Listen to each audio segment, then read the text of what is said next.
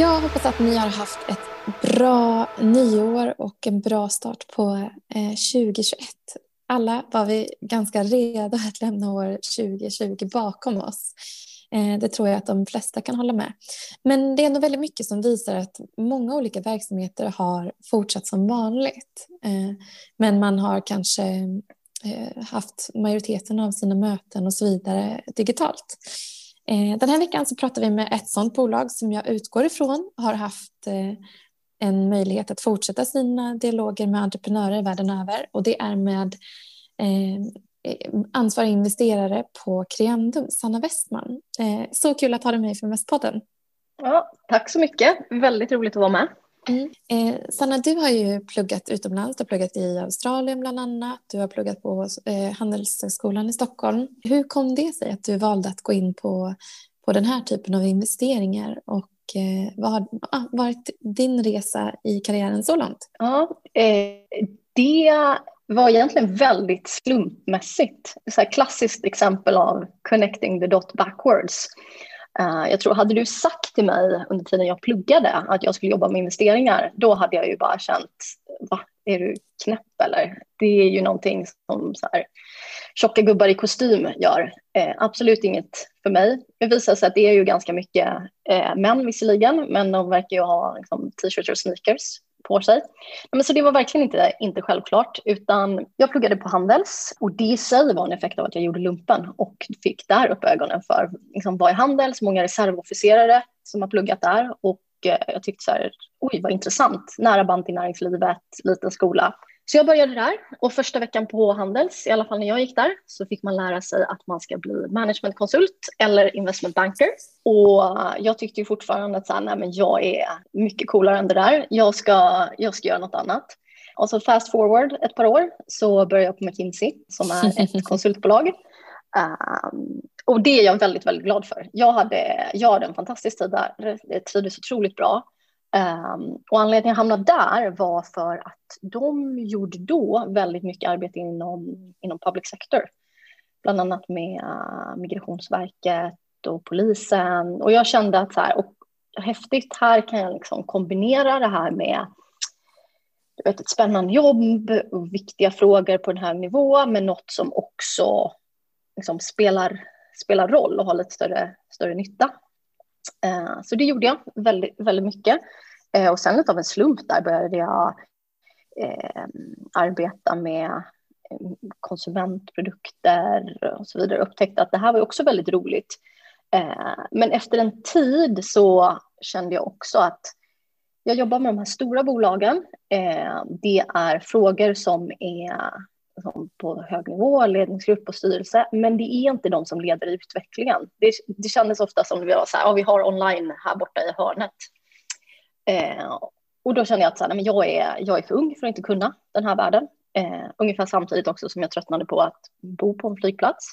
Mm. Um, så då lämnade jag, jag sa faktiskt upp mig innan jag visste vad jag skulle göra. Och kollade på en del, pratade med mycket folk, kollade med olika möjligheter. Och där var jag i kontakt med Creandum också, men, men tackade då nej till ett erbjudande för jag kände att så här, gå från att vara konsult till investera, det är fortfarande väldigt mycket på sidlinjen. Jag vill liksom göra något i mitt bolag. Eh, och jag hade stött på eh, Qliro Group, ett av Kinneviksbolagen, eh, ett par gånger eh, och kände att så här, men det här är häftig kultur. Det var liksom, de växte mycket, folk satt typ på flyttlådor eh, och så vidare. Så Ehm, ja, träffade jag vdn där, eh, började jobba väldigt nära honom. Det var eh, en riktig berg eh, under två års tid. Eh, men det var också något som liksom tog mig närmare techvärlden. Eh, för där började jag jobba eh, väldigt nära techteamen, utveckla nya produkter för det som var Clear Financial Services. Och sen parallellt med det här så hade jag en liksom, diskussion till och från med Kiandum. Och, så det var liksom något som växte fram. Ehm, så till slut, uh, när jag liksom insåg, okej, okay, wow, det här är liksom, så här funkar techbolag. Uh, och jag som har en businessbakgrund uh, kan faktiskt liksom, jobba med det här. Man behöver inte vara utvecklare. Så liksom det, kombination med liksom ökad förståelse och väldigt, väldigt spännande snabbväxande bolag. Mm. Ja, för att Krenum har ju profilerat sig som ett bolag som vill teama upp och backa bolag eh, som är, kan revolutionera en industri, så att säga. Mm, mm. Eh, och har ju ett väldigt bra track record, får man ju ändå säga, eh, med eh, bland annat Spotify, iSettle, Kry, eh, mm. Trade Republic, Depop och så vidare. Eh, och eh, kan inte du berätta lite? För dels så tänker jag så här, men första gången man hade en dialog med Spotify, var det liksom så att var det så här, ja, det här, det här är taget? Eller kan liksom, för ibland så kanske man ser på de här framgångssagorna och mm. tänker så här, ah, men det är så lätt med en sån bra idé. Men alla har man ju börjat någonstans och det glömmer man ofta. Ja, ja, verkligen, verkligen. Nu var ju inte jag med när Spotify gjordes, det var någon gång 2008, 2009, men eh, jag får höra det många, många gånger och där var ju också en ganska lång relation eh, då Fredrik, eh, som är GP på Creandum, eh, hade kontakt med bolaget under lång tid och följde dem nära. Och där var ju just frågetecknet, det fanns ett tydlig, tydligt tecken i att det här var något som konsumenter tyckte väldigt mycket om. Men å andra sidan så eh, inga avtal med skivbolagen, hur ska du lösa det här och så vidare. Eh, så att det han gjorde var ju att hålla sig väldigt nära bolaget för att liksom, kunna investera precis innan allt var klart. Men han hade tillräckligt tydliga tecken på att nej, men de kommer kunna lösa det här eh, med skivbolagen. Eh, det kommer inte vara en illegal tjänst forever till exempel. Eh, men det handlar ju också mycket om att våga, våga se och våga tro på det ingen annan tror. Um, det är också något som att när han pratade med folk var det många som sa, men, men alltså musikindustrin, den var ju inte intressant, den var ju döende då. Ska du investera i den? Det verkar ju det verkar inte speciellt smart. Mm. Um, och det eh, ska säga, är väl någonting som eh, jag tror är väldigt viktigt. Eh, att kunna så här, se på det fakta som finns men också kunna dra sina egna slutsatser och våga tro på dem. Eh, även om andra kanske tycker att Nej, men det, här verkar, det här verkar inte rimligt. Mm. Men kan inte du berätta om eh, er portfölj nu då? Jo, eh, definitivt. Eh, ja, men som, du nämnde ju ett antal olika bolag där. Eh, och eh, den, är ju, den är ju väldigt bred, många olika sektorer.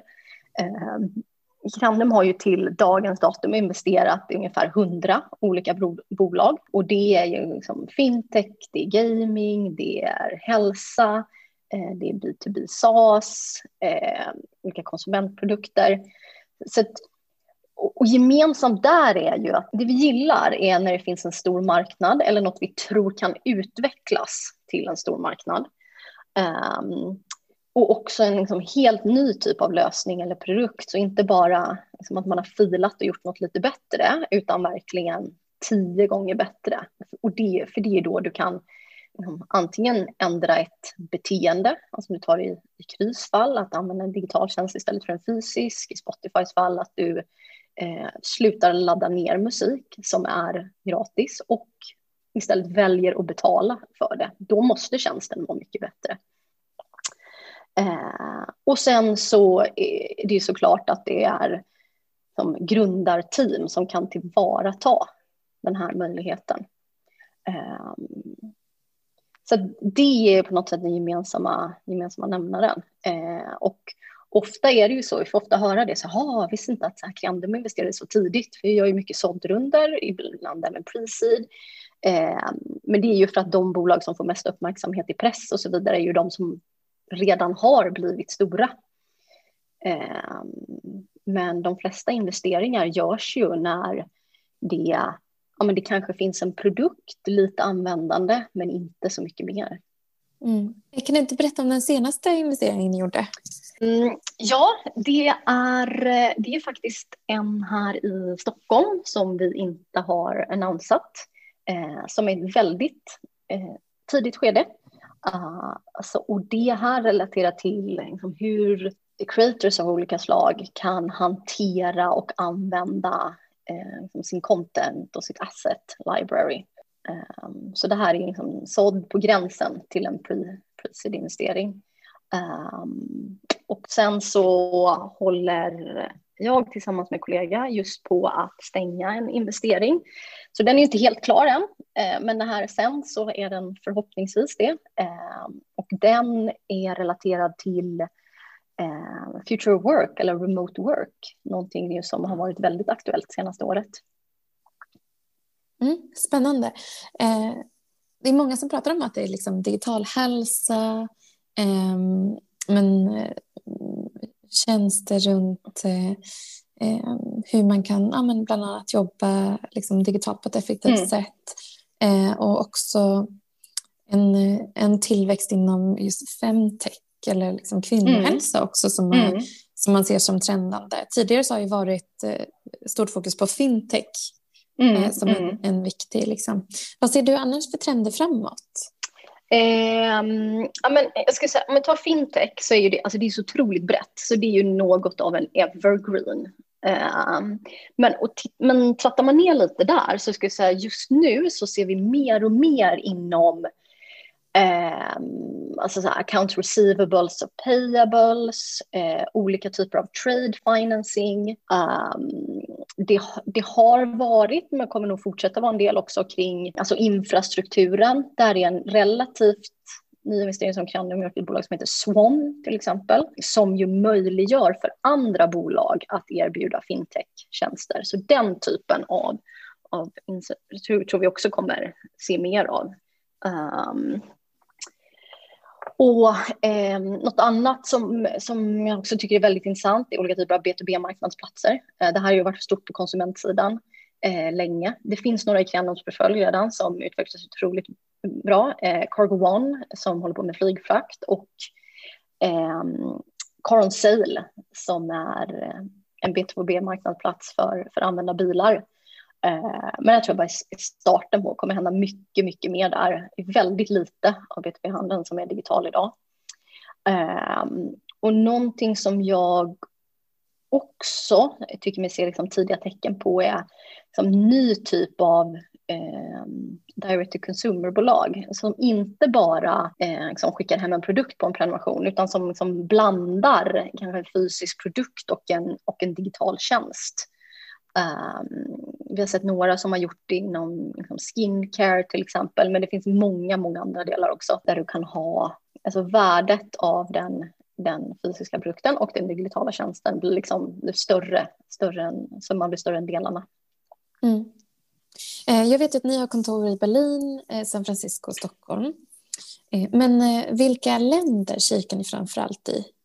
Eh, ja, men vi kikar i hela Europa eller europeiska grundare var de än befinner sig. Så den här investeringen som vi förhoppningsvis stänger snart då till exempel, det är ju ett, det är ett fully remote team. Det, så det är, det är liksom mindre viktigt var ett bolag, bolag finns.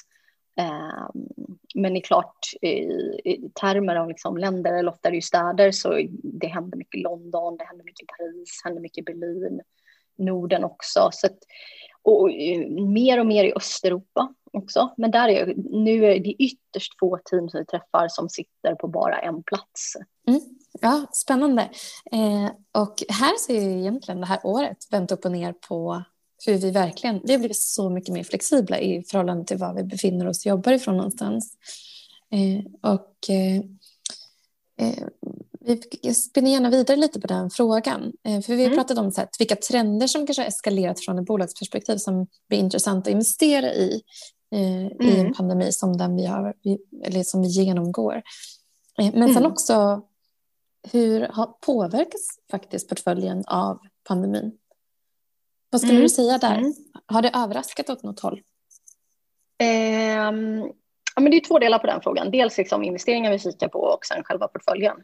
Eh, om, om vi börjar med portföljen då. Och så i mars, då var det ju lite så här, oh shit, liksom, vad är det som händer? Så det var ju initialt ett väldigt stort fokus bara som försöka förstå situationen, eh, förstå eh, vad händer i bolagen eh, och på något sätt antingen agera fort om man så det krävdes. Det finns ju vissa bolag, till exempel ett bolag i portföljen som jobbar med affärsresor. Det kunde man ganska tidigt känna att så här, okay, här behöver vi nog ganska drastiska åtgärder uh, för att få bolaget en chans att överleva tills det kan liksom, pick up again.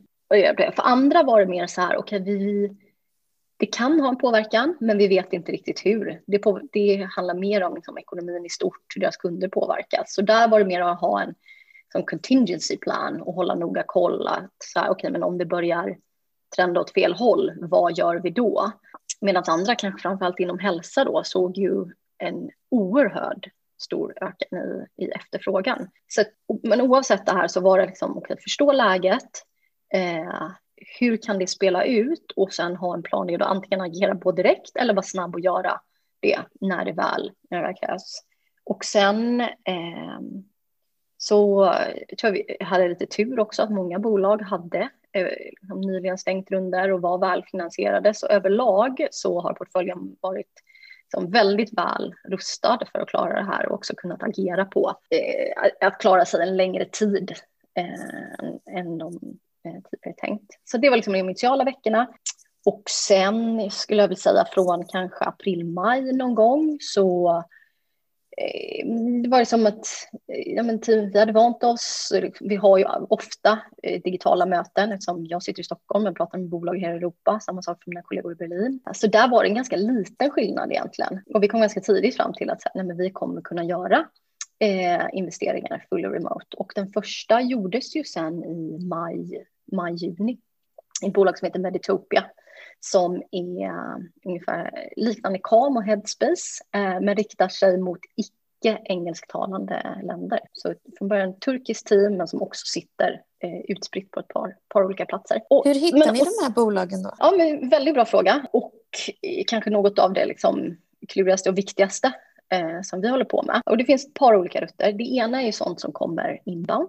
Det kan antingen vara eh, liksom helt out of the blue Eh, eller att det är någon, någon som vi känner. Vi pratar ju mycket med eh, affärsänglar eller pre-seed-fonder, alltså de som kanske gör en investering något tidigare än vad klienten gör. Och sen så är det också en hel del liksom proaktivt arbete där det kan vara och eh, ja, men om vi tar den här till exempel kring, kring remote work nu. Det var ju ett större arbete som vi tittade på vad finns det för bolag? Eh, vilka områden behöver man kunna, kunna attackera eh, om man tror på den här visionen om framtiden? Och så att proaktivt prata med bolag. Och sen kanske det ett halvår, ett år senare är aktuellt med en investering.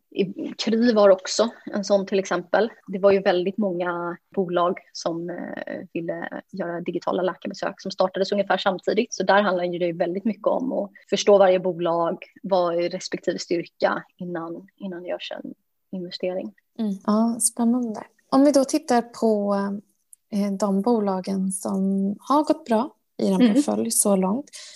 Ser du någon gemensam nämnare? Du var ju med initialt så pratade vi lite om det här med team eh, mm. och liksom att ha en produkt som, som man tror på och sådär. Men ja, kanske någonting utöver det?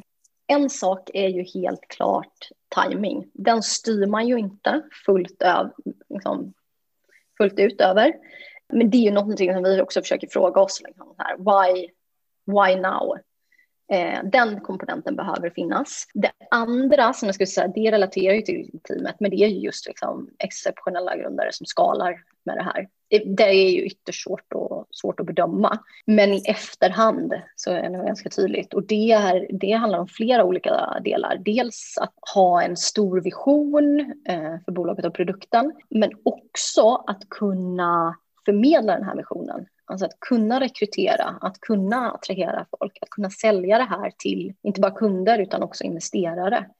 Eh, för i alla fall om du bygger ett, ett bolag alltså on, on the VC track, då kommer ju Creandums investering antagligen bara den första av ett par stycken.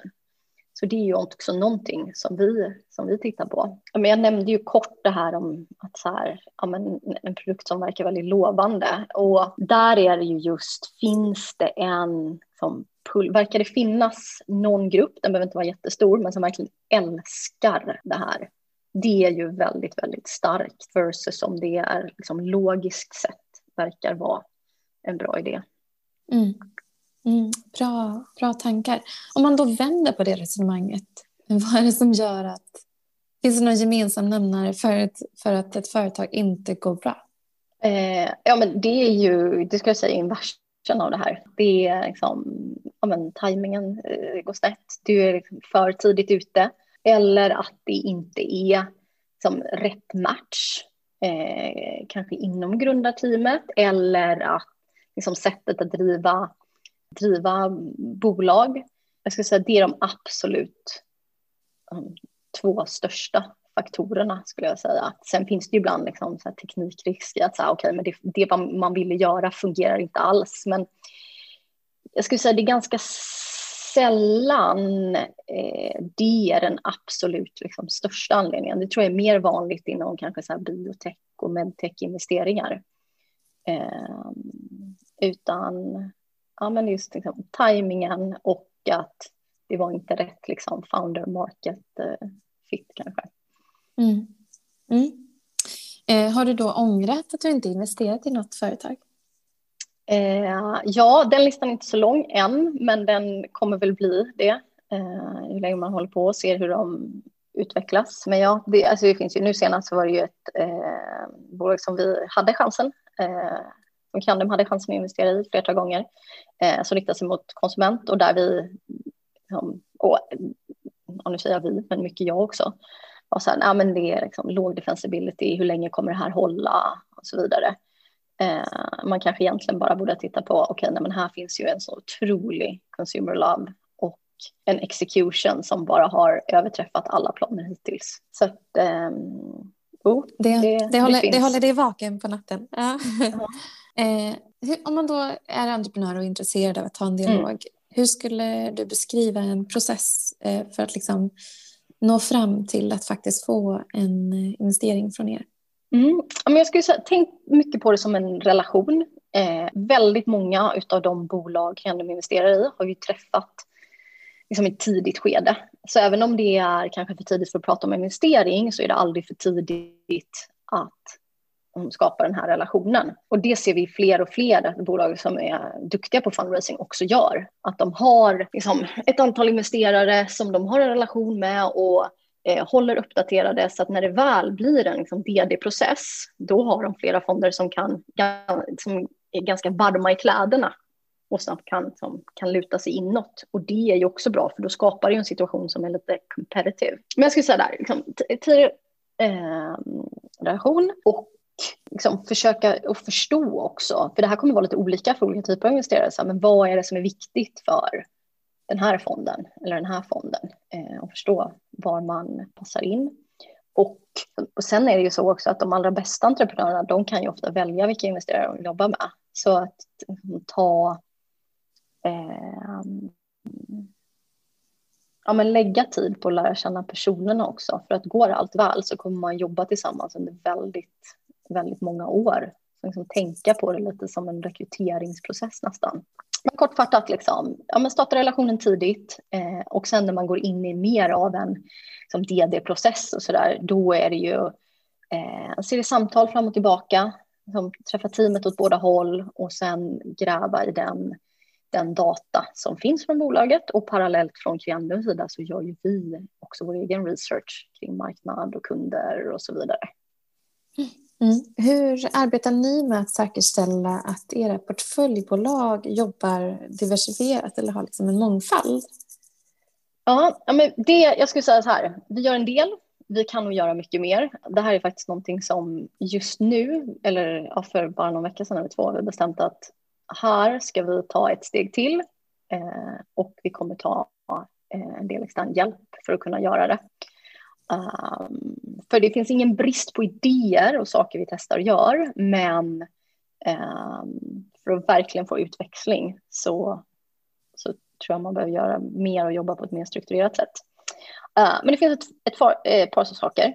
Um, en del är redan under själva investeringsprocessen, att dels prata med teamet om det, men det är också någonting i den investment memo, eller terms and recommendation som vi gör, eh, har med så här, kring hur, hur ser det här ut på bolaget idag? Eh, både inom bolaget och styrelsen. Och vad, eh, vad gör eh, teamet på, på det här? Eh, sen så mäter vi också hur det ser ut. Eh, jag vet inte om ni har sett det, men det är något vi brukar publicera öppet. Hur ser det ut på styrelse? Hur ser det ut på ledningsgrupp? Hur ser det ut totalt sett i varje portföljbolag? Och där, det har vi börjat göra med tanken att här, första steget till att förändra någonting är att förstå hur det ser ut. Men jag skulle säga att det här är också något som är, det är ganska stora skillnaden mellan mm. bolag idag och det i sin tur beror väldigt mycket av eh, har man det här på agendan och, och tycker det är viktigt. Som allt annat så sker det ju inte av sig självt. Mm. Nej, det, det, krävs ju arbete och det finns väldigt mycket kvar att göra. Jag menar, liksom, om man tittar på riskkapitalet, det är ju ingenting nytt att runt 2 procent är väl liksom en siffra som jag har sett eh, över Europa ja, ja. Nej, men, och den, här amerikanska marknaden. Är så dålig. Eh, ja, och även om man pratar om det, liksom, det finns ett naturligt bortfall i procent. Vi har en var tredje bolag som startas, startas av kvinnor. Ut, utöver det så startar kvinnor i högre utsträckning enskilda firmor och bolag som man kanske inte ämnar skala upp på samma sätt. Eh, men ändå att det finns, eh, eh man får fundera på liksom hur man jobbar. Och där så vet jag bland annat att, att Comico släpper en rapport, eh, har gjort det i alla fall ett par år, där de eh, i den sista rapporten presenterade att eh, det inte finns en enda kvinnlig grundare eh, i Europa som har tagit in en, och då inte ens medgrundare, mm. som har tagit in en, en runda på över 100 miljoner euro. Vad tänker du om den typen av siffror? Mm, nej men de, det säger ju bara att det är ju någonting som är fel. Och tyvärr är det inte en sak, utan det är ju liksom, komplext och, och strukturellt. Och jag tror det är just därför som gör också att så här, vi känner nu att vi behöver troligtvis liksom, ta input från fler hur vi, hur vi kan lösa det här. Men jag tror också att det börjar med en vilja att förändra det eh, och, då, och ett verkligt commitment. Eh, det ska bli jätteintressant att se vad som händer hos Kinnevik till exempel, som jag är väldigt imponerad av i, um, de har satt en målsättning om 10 procent. Exakt, som rullar över. Och också knutit det till liksom, hur man utvärderar teamet och så vidare. Och det är ju som med alltså, vilken KPI som helst. Att eh, du behöver ju ha fokus på det, mäta på det och gärna liksom, koppla det eh, till någonting så att den får den, eh, den dignitet som den förtjänar. Så att, men det, det är ju tyvärr, jag önskar jag hade så här, men det här är det man ska göra, men det är ju, jag tror det är liksom många saker från många olika håll. Men det som jag liksom tänker på också är att så här, jag tror för den som blir bra på det här så har du en konkurrensfördel. För till exempel så har du ju man säger, rösta med plånboken. Så att en, en VC-fond är ju beroende av dess investerare, LPs. Och där så ser vi ju mer och mer, speciellt de som är eh, erfarna, Det amerikanska LPs. Nu senast var det Yale som gick ut och, och var liksom väldigt tydlig med att det här vill vi se i de fonder vi eh, investerar i. Så jag tror, blir man bra på det här så kommer du under tid i alla fall ha, ha en konkurrensfördel. Mm. Och eh, det är det jag har försökt trycka på internt på Candum. Mm. Eh, och det, det, finns ju, det, finns, det, är en komplex fråga som du nämnde. Vi har liksom eh, unconscious bias och det att det, det finns jättemånga kvinnliga investerare, om man kollar på riskkapitalbolag mm. eh, och mm. fonder generellt. Eh, en avsaknad åt, men jag läste en bok om, eh, om en eh, symfoniorkester. Jag försöker leta upp den här samtidigt. Vad hette? Jag har delat den i Facebookgruppen som vi har på Feminvest. Vi har en Facebookgrupp i alla fall. Så jag har delat den, mm. en teaser i den boken. Eh, och eh, där de presenterar rekryteringen till en symfoniorkester i Boston. Mm. Eh, och där man först antar kvinnliga kandidater till den här orkestern när man hade ett skynke som man inte såg vem det var som provspelade. Ja, innan dess, vad sjukt. Ja, innan dess så tog man i, i, stort sett bara in män. Ja. Och det säger ju någonting om hur, hur vi är funtade. Jag tror på kvinnor, ja. och, kvinnor och män är vi liksom likadana. Vi, jag tror inte vi är bättre eller sämre så att säga. Om vi skulle liksom vara dominerande som investerare så hade vi säkert investerat i större utsträckning i kvinnor också. Mm, mm. Um, men uh, hur, hur ska vi liksom jobba mot det här gemensamt då? Uh, för jag menar, som between, from a woman to woman eh, så drivs vi av samma saker och vill bidra positivt, både du och jag. Eh, och gör det vi kan såklart. Men hur får man det här att liksom, det måste ju på något sätt landa i att det här, it's profit. För det är det som driver på. Ja, ja, verkligen. Nej, men det var jag nämnde också kring så här, du vet, har du det som en konkurrensfördel till exempel. Eh, det är ju en utmaning för mycket inom VC handlar ju om så här pattern recognition. Eh, här, okay. jag, kan, jag ska försöka hitta det som kan gå bra. Och det tas beslut på väldigt lite fakta, men det man har är liksom en del igenkänning. Eh, men en del saker är ju bara liksom transparensen och visa på hur skevt det faktiskt ser ut. Eh, men också, som jag tror är viktigt, det är, liksom, det är commitment. Att man inte bara säger att man vill det här, utan att man verkligen agerar på det. Och då behöver väl inte alla göra allt, men att man tar de här en, två, tre sakerna. Så här, här kan jag påverka direkt och göra de sakerna. Eh, för det är ju väldigt lätt att säga att man stöder diversity, men inte beredd att ändra på någonting. Så att jag tror det är ju, det är ju nyckeln på något sätt. Um, jag utgår ifrån när du sitter i samtal med, med VC-firmor och manliga liksom, kollegor i branschen eh, att alla vill bidra. Oh ja, jag tror alltså, viljan är inte något större, större fel på. I, I alla fall inte på, liksom, den, på ytan. Liksom. Mm. Ja, eh, spännande att få pick your brain eh, och få höra lite dina tankar och eh, eh det är spännande arbete ni gör och viktigt arbete att vara med och forma och, och bidra till att eh, entreprenörer i, runt om i Europa får muskelkraft till att faktiskt execute och, och växa. Eh, och det följer vi också på Feminvest på håll, tycker det är spännande och tycker att även du är ett så himla bra exempel på en kompetent eh, och eh, liksom vass tjej som, som eh, är en förebild för många andra också. Eh, tack, så det är därför, kul att höra. Ja, ja. Men vi, vi får göra så. Om du, har, om du sitter och lyssnar på det här och har en fantastisk idé, ett grymt team och du vet att så här, det är nu eller aldrig. Timingen är helt Exakt. perfekt. Ja. Så är det bara att höra av sig till dig, eller hur Sanna? Ja, definitivt. Aldrig för tidigt att inleda en relation. Mm. Tack så jättemycket för att du var med och eh, ta hand om dig så hörs vi framåt. Det gör vi. Tack så jättemycket. Hej då. Hej.